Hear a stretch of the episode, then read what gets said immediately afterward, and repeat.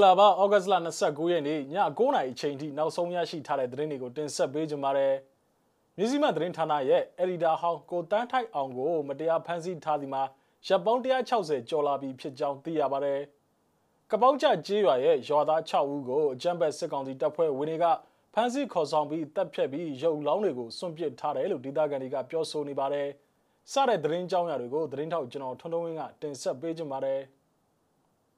။ ပထမဆုံးအနေနဲ့တင်ဆက်ပေးခြင်းတဲ့သတင်းကတော့မြစည်းမသတင်းဌာနရဲ့ editor ဟောင်းကိုတန်းထိုက်အောင်ကိုစစ်ကောင်စီကမတရားဖမ်းဆီးထားသည်မှာဒီကနေ့ဩဂတ်စ်လ29ရက်နေ့အပါအဝင်165ရက်ရှိနေပြီဖြစ်ပါတယ်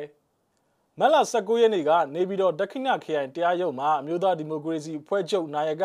ဦးဝင်းထိန်ရဲ့ရုံးထုတ်ကိုတွားရောက်ပြီးတော့သတင်းရယူခဲ့တဲ့ကိုတန်းထိုက်အောင်နဲ့ BBC သတင်းဌာနကကိုအောင်သူရတို့ကိုစစ်ထောက်လန်းရေးတွေကဖမ်းဆီးခဲ့တာပါ။ ကိုအောင်သူရကိုမက်လာ22ရက်နေ့မှာပြန်လွတ်ပေးခဲ့တော့လဲကိုတန်းထိုက်အောင်ကိုတော့ဆက်လက်ဖမ်းဆီးထားဆဲဖြစ်ပါတယ်။စပူတီရီမြို့နယ်အမှတ်1ရဲစခန်းမူဒုရဲမှုတိမ့်ထိတ်ကတရားလိုပြုတ်လို့ပြီးတော့ပုံမှန်99ကာကြီးဖြစ်တရားစွဲဆိုခြင်းခံထားရတာပါ။အာမခံမရရှိဘဲနဲ့အကျဉ်းထောင်ထဲမှာတရားရင်ဆိုင်နေရတာလည်းဖြစ်ပါတယ်။တရားလိုဘက်ကအမှုဆွဲတင်ရခြင်းအကြောင်းကိုတရားရုံးကိုတင်ပြရမှာအာနာသိန်းစစ်ကောင်စီကမက်လာ10ရက်နေ့မှာမြစည်းမသတင်းဌာနအပါအဝင် မီဒီယာ၅ခုကိုထုတ်ဝေခွင့်လိုင်စင်ရုပ်သိမ်းတဲ့ကြေညာချက်ကိုကန့်ကွက်ကြောင်းစာကို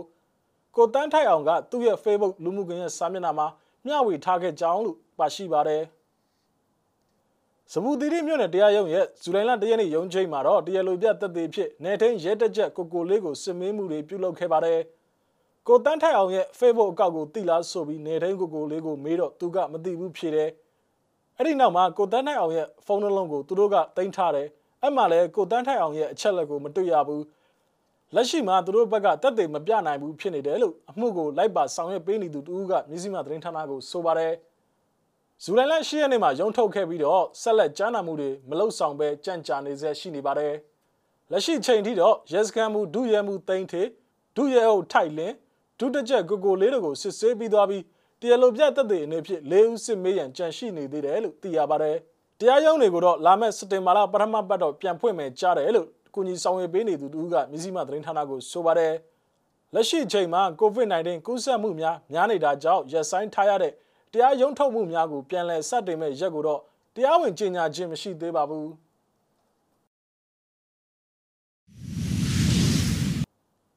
ဆက်လက်ပြီးတင်ဆက်ပေးခြင်းတဲ့သတင်းကတော့ရှမ်းပြည်နယ်မြောက်ပိုင်းမူဆယ်ခရိုင်မုံကုန်းမြို့တိုက်ပွဲအတွင်းမှာတင်စီရမိတဲ့ အကြမ်းဖက်စစ်ကောင်စီတပ်ဖွဲ့ဝင်တွေရဲ့လက်နက်ခဲယမ်းအများပြားကိုမြောက်ပိုင်းမဟာမိတ်တပ်ဘက်ကဒီကနေ့ဩဂတ်စ်လ29ရက်နေ့ညနေပိုင်းအချိန်ကသတင်းထုတ်ပြန်ကြေညာလိုက်ပါတယ်။အကြမ်းဖက်စစ်ကောင်စီတပ်များနဲ့မြောက်ပိုင်းမဟာမိတ်အဖွဲ့များရဲ့အဖွဲ့ဝင်များဖြစ်ကြတဲ့ကိုကန်တပ် MNDA တို့ဩဂတ်စ်လ28ရက်နေ့တိုက်ပွဲမှာအကြမ်းဖက်စစ်ကောင်စီတပ်ဘက်ကအထိနာသွားခဲ့ကြောင်းကိုဒေသသတင်းဌာနများကသတင်းဖော်ပြထားပါတယ်။အာဏာသိမ်းတပ်ဘက်ကတော့အ ਨੇ စုံတရဲမှုတဦးသေဆုံးပြီးတော့ ရဲဘော်အများပြားလည်းတေဆုံးမှုရှိခဲ့တယ်လို့ဒေတာတွင်းသတင်းတွေအရသိရပါတယ်။မုံကိုပန်ဆိုင်ဒေတာမှာအကြမ်းဖက်စစ်ကောင်စီတပ်နဲ့ MNDA တို့တပ်တို့ကြားမှာဇူလိုင်လမှာစတင်ပြီးတိုက်ပွဲတွေမကြာခဏဖြစ်ပွားနေပြီးတော့ဩဂတ်စ်လပထမပတ်အတွင်းမှာတိုက်ပွဲတွေကြောင့်ဒေသခံ1400ကျော်ဟာတရုတ်မြန်မာနယ်စပ်တစ်လျှောက်မှာတိမ်းရှောင်နေရတာပဲဖြစ်ပါတယ်။ နောက်ထပ်တင်ဆက်ပေးခြင်းတဲ့သတင်းကတော့စကိုင်းတိုင်းဒေသကြီးရွှေဘိုခရိုင်ဒဇယ်မြို့ကပောင်ကျကျေးရွာမှာဒေသခံအမျိုးသား6ဦးကိုအကြမ်းဖက်စစ်ကောင်စီတပ်ဖွဲ့ဝင်တွေကတပ်ဖြတ်ပြီးတော့ကြံရစ်တဲ့ရုပ်လောင်းတွေကိုရွာသင်းချိုင်းမှာစွန့်ပစ်ထားကြောင်းကိုဒေသခံတွေကပြောဆိုနေပါတယ်။ဒီကနေ့ဩဂတ်စ်လ29ရက်နေ့မွန်းလယ်ပိုင်းအချိန်ကကပောင်ကျကျေးရွာရဲ့ရွာသင်းချိုင်းမှာအကြမ်းဖက်စစ်ကောင်စီတပ်ဖွဲ့ဝင်တွေကဒေသခံအမျိုးသား6ဦးရဲ့ရုပ်လောင်းတွေကိုစွန့်ပစ်ထားကြောင်းသိရပါတယ်။ မွန်လနှစ်နာရီဝန်းကျင်လောက်ကရွာကတင်းကြိုင်းနားမှာသူတို့9ယောက်ကိုတွေ့တာဖမ်းခံရတာကစုစုပေါင်း73ယောက်လောက်ရှိမယ်အခုတေတာက9ယောက်ဟိုနေ့က1ယောက်သူတို့ရဲ့ရုပ်လောင်းတွေကိုလာပစ်ထားကြတယ်လက်ရှိမှာတော့အဖမ်းခံထားရတာ9ယောက်ကြံသေးတယ်သူတို့သတင်းလဲဘာမှမကြားရသေးဘူးလို့ဒေသခံတို့ကမြစည်းမသတင်းဌာနကိုဆိုပါတယ်ကပောင်ကျကျေးရွာရဲ့ရွာသိန်းချိုင်းမှာအသက်24နှစ်အရွယ်မောင်လွင်မို့အသက်28 30အရွယ်ကိုဇော်မင်းလေးကိုဟိန်းစာ ကိုကျော်နိုင်လေးနဲ့အသက်45နှစ်အရွယ်ဦးမောင်ကြီးတို့ရဲ့ရုပ်လောင်းတွေကိုဒေသခံတွေကတွေ့ရှိခဲ့ခြင်းဖြစ်ပါတယ်။အကြမ်းဖက်စစ်ကောင်စီတပ်များကဒဇယ်မြို့မှာရှိတဲ့ကပောင်းကျေးရွာကိုဩဂတ်စ်လ26ရက်နေ့နက်နက်အစောပိုင်းကအင်အား200ဝန်းကျင်ခန့်ဖြင့်ဝင်ရောက်စီးနင်းခဲ့ပြီးတော့ဒေသခံ73ဦးခန့်ကိုဖမ်းဆီးခေါ်ဆောင်သွားခဲ့တာဖြစ်ပါတယ်။အကြမ်းဖက်စစ်ကောင်စီတပ်များကကပောင်ကျကျေးရွာမှာတက်အထိုင်ချပြီးတော့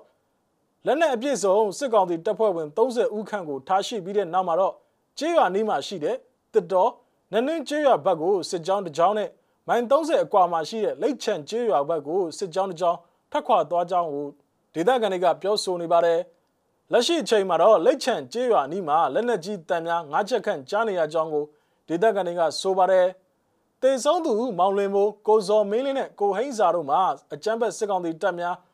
ဝင်းရရောက်ချင်းဖမ်းဆီးခြင်းခံရပြီးတော့ကြန့်ရှိတဲ့ဒေသခံတွေကတော့နောက်တရက်မှာဖမ်းဆီးခြင်းခံခဲ့ရကြောင်းသိရပါတယ်။ ဒဇယ်မြို့ပေါ်မှာဇီဝကဈေးတန်ရှိတယ်။ပိုင်ရှင်ကကြန့်ခိုင်ရီအမတ်ကြော်ကြော်ဦးသူ့ရဲ့ညီသတင်းပေးကအသက်ခံလိုက်ရတယ်။နောက်ကျေးရွာတွင်းကညွတ်ခံရဲ့ညီနယောက်ကလည်းအသက်ခံရတယ်။သူတို့ကသတင်းပေးဒလန်တွေအခုစစ်ကြောင်းတွေခေါ်တာကလည်းကြော်ကြော်ဦးကပတ်စံပေးပြီးခေါ်ထားတာလို့ကြားမိတယ်လို့ဒေသခံတွေကဆိုပါတယ်။ပြီးခဲ့တဲ့ဩဂတ်စ်လ29ရက်နေ့ကလည်းအကြမ်းဖက်စစ်ကောင်စီတပ်များက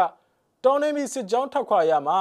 စကြင်ချောင်းရွှေတော်တနေရာမှာဆိုင်ကယ်စီးနှင်လာတဲ့အမျိုးသားတဦးနဲ့အမျိုးသမီးတဦးတို့ကို တနက်ဖြစ်ပြစ်ခတ်ခဲ့တာကြောင့်အမျိုးသားမှဝမ်ပိုက်ကြီးစံထိမှန်ဒဏ်ရာဖြစ်သေဆုံးသွားခဲ့ပြီးတော့ကြံရှိတဲ့အမျိုးသမီးတဦးကိုတော့ Pride အဖွဲ့တွေကဒဇယ်မြို့မှာရှိတဲ့စေယုံကိုပို့ဆောင်ခဲ့ကြောင်းသိရပါတယ်။လက်ရှိချိန်မှာတော့ကပောင်ကျကျေးရွာနဲ့ရွာနီးနားတစ်ဝိုက်မှာဒေသခံတွေက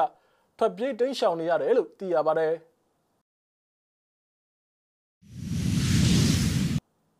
နောက်ဆုံးနေတဲ့တင်ဆက်ပေးခြင်းတဲ့သတင်းကတော့ပြည်မြို့အောက်ဆန်းပြည်သားရက်ကွက်နေရက်တဲ့သားတဦးကို Play Underground 4မှာစစ်ကောင်စီသတင်းပေးလို့တတ်မှတ်ပြီးဩဂတ်စ်လ24ရက်နေ့ရက်စွဲဖြစ်သတိပေးစာတစ်စောင်ပေးပို့ခဲ့ကြောင်းကို Play Underground 4မှာအဖွဲ့ဝင်တဦးကမြစည်းမသတင်းဌာနကိုဆိုပါတယ်။အောက်ဆန်းမှာသူထောင်နေတာပြဝကြီးဒလန်ဦးဆိုကပြစ်သက်ခံရသူတုံးကလည်းလောက်ပြန်ရင်လည်းပြည်သူတွေအထိနာမှာစိုးရင်လို့သတိပေးစာအရင်ပို့လိုက်တာပါလို့ Play Underground 4မှာအဖွဲ့ဝင်တဦးကဆိုပါတယ်။ တက်သတင်းပေးဒလန်ဝါကြီးအသက်ခံရသည့်နေ့မှာပြည်မြို့မှာလူငယ်ရောက်တရာကျော်ဖမ်းဆီးစစ်ဆေးခြင်းခံခဲ့ရပါတယ်။အဆိုပါသတင်းပေးစာပေးပို့ခဲ့ပြီးတဲ့နောက်မှာတော့အောက်ဆန်းပြည်သားရက်ကွက်နဲ့ရက်ကွက်အချို့မှာအဲဇင်းစစ်ဆေးခဲ့ပြီးတော့အကြမ်းဖက်စစ်ကောင်စီမှလုံခြုံရေးတင်းကျပ်ထားကြောင်းကိုမြို့ကန်တွေကဆိုပါတယ်။26ရက်နေ့မှာရက်ကွက်ထဲကအဲဇင်းစစ်တာအတော်ကျန်းတယ်ရက်ကွက်လူကြီးကမပါဘဲရင်းနဲ့စစ်သားတွေအများကြီးလာတာအင်အား60လောက်ရှိတယ်မနိုးတဲ့အိမ်ကိုခဲနဲ့ပေါက်ပြီးဆဲဆွအော်ဟစ်ပြီးဝင်လာပြ အဲစင်းမတိုင်မိတဲ့သူတွေကိုရက်ွက်ရုံးကိုခေါ်သွားတယ်။ကြားမိတာကဒလန်တယောက်ကိုချင်းချောက်စာပို့လို့ဆိုပြီးကြားမိတယ်လို့အောက်ဆန်းပြည်သားရက်ွက်နေပြည်သူတို့ကဆိုပါတယ်။လိုက်လံစစ်ဆေးရမှာပါဝင်သူအကြမ်းဖက်စစ်ကောင်စီတပ်ဖွဲ့ဝင်အချို့ကအဲစင်းစစ်ဆေးရမှာနှာခေါင်းစီးတက်ဆင်ထားမှုလည်းမရှိဘူးလို့ဒေသခံတွေကဆိုပါတယ်။တငယ်ချင်းအိမ်ကကိုဗစ်တအိမ်လုံးဖြစ်နေတာလာစစ်ဆေးတဲ့အထဲမှာပါတဲ့တယောက်ကနှာခေါင်းစီးတက်မထားဘူး။သူတို့လာစစ်ဆေးတဲ့အချိန်အဲ့ဒီအိမ်ကလူကြီးတွေကချောင်းတွေအရန်ဆိုးနေတာကြားမိတယ်။ ကိုဗစ်ကုကြပါစေလို့ဆုတောင်းမိတယ်လို့ဒေသခံတို့ကဆိုပါတယ်ဒလန်လို့အများကသတ်မှတ်ခံထားရသူကအမှတ်3ရဲစခန်းမှာတာဝန်ထမ်းဆောင်နေတဲ့ရက်တက်သားကြည်လှမော်လို့သိရပါတယ်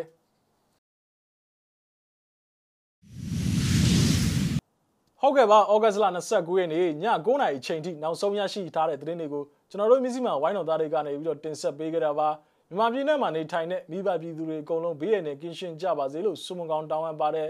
လက်ရှိဖြစ်ပွားနေတဲ့ COVID-19 ကပ်ရောဂါကိုလည်းအထူးဂရုစိုက်ကြဖို့ကိုကျွန်တော်တို့မြစည်းမဝိုင်းတော်သားတွေကတိုက်တွန်းလို့ဆိုခြင်းပါတယ်နောက်ထပ်ရရှိလာမယ့်သတင်းတွေအတူတူကျွန်တော်တို့ပြန်လာခဲ့ပါမယ်။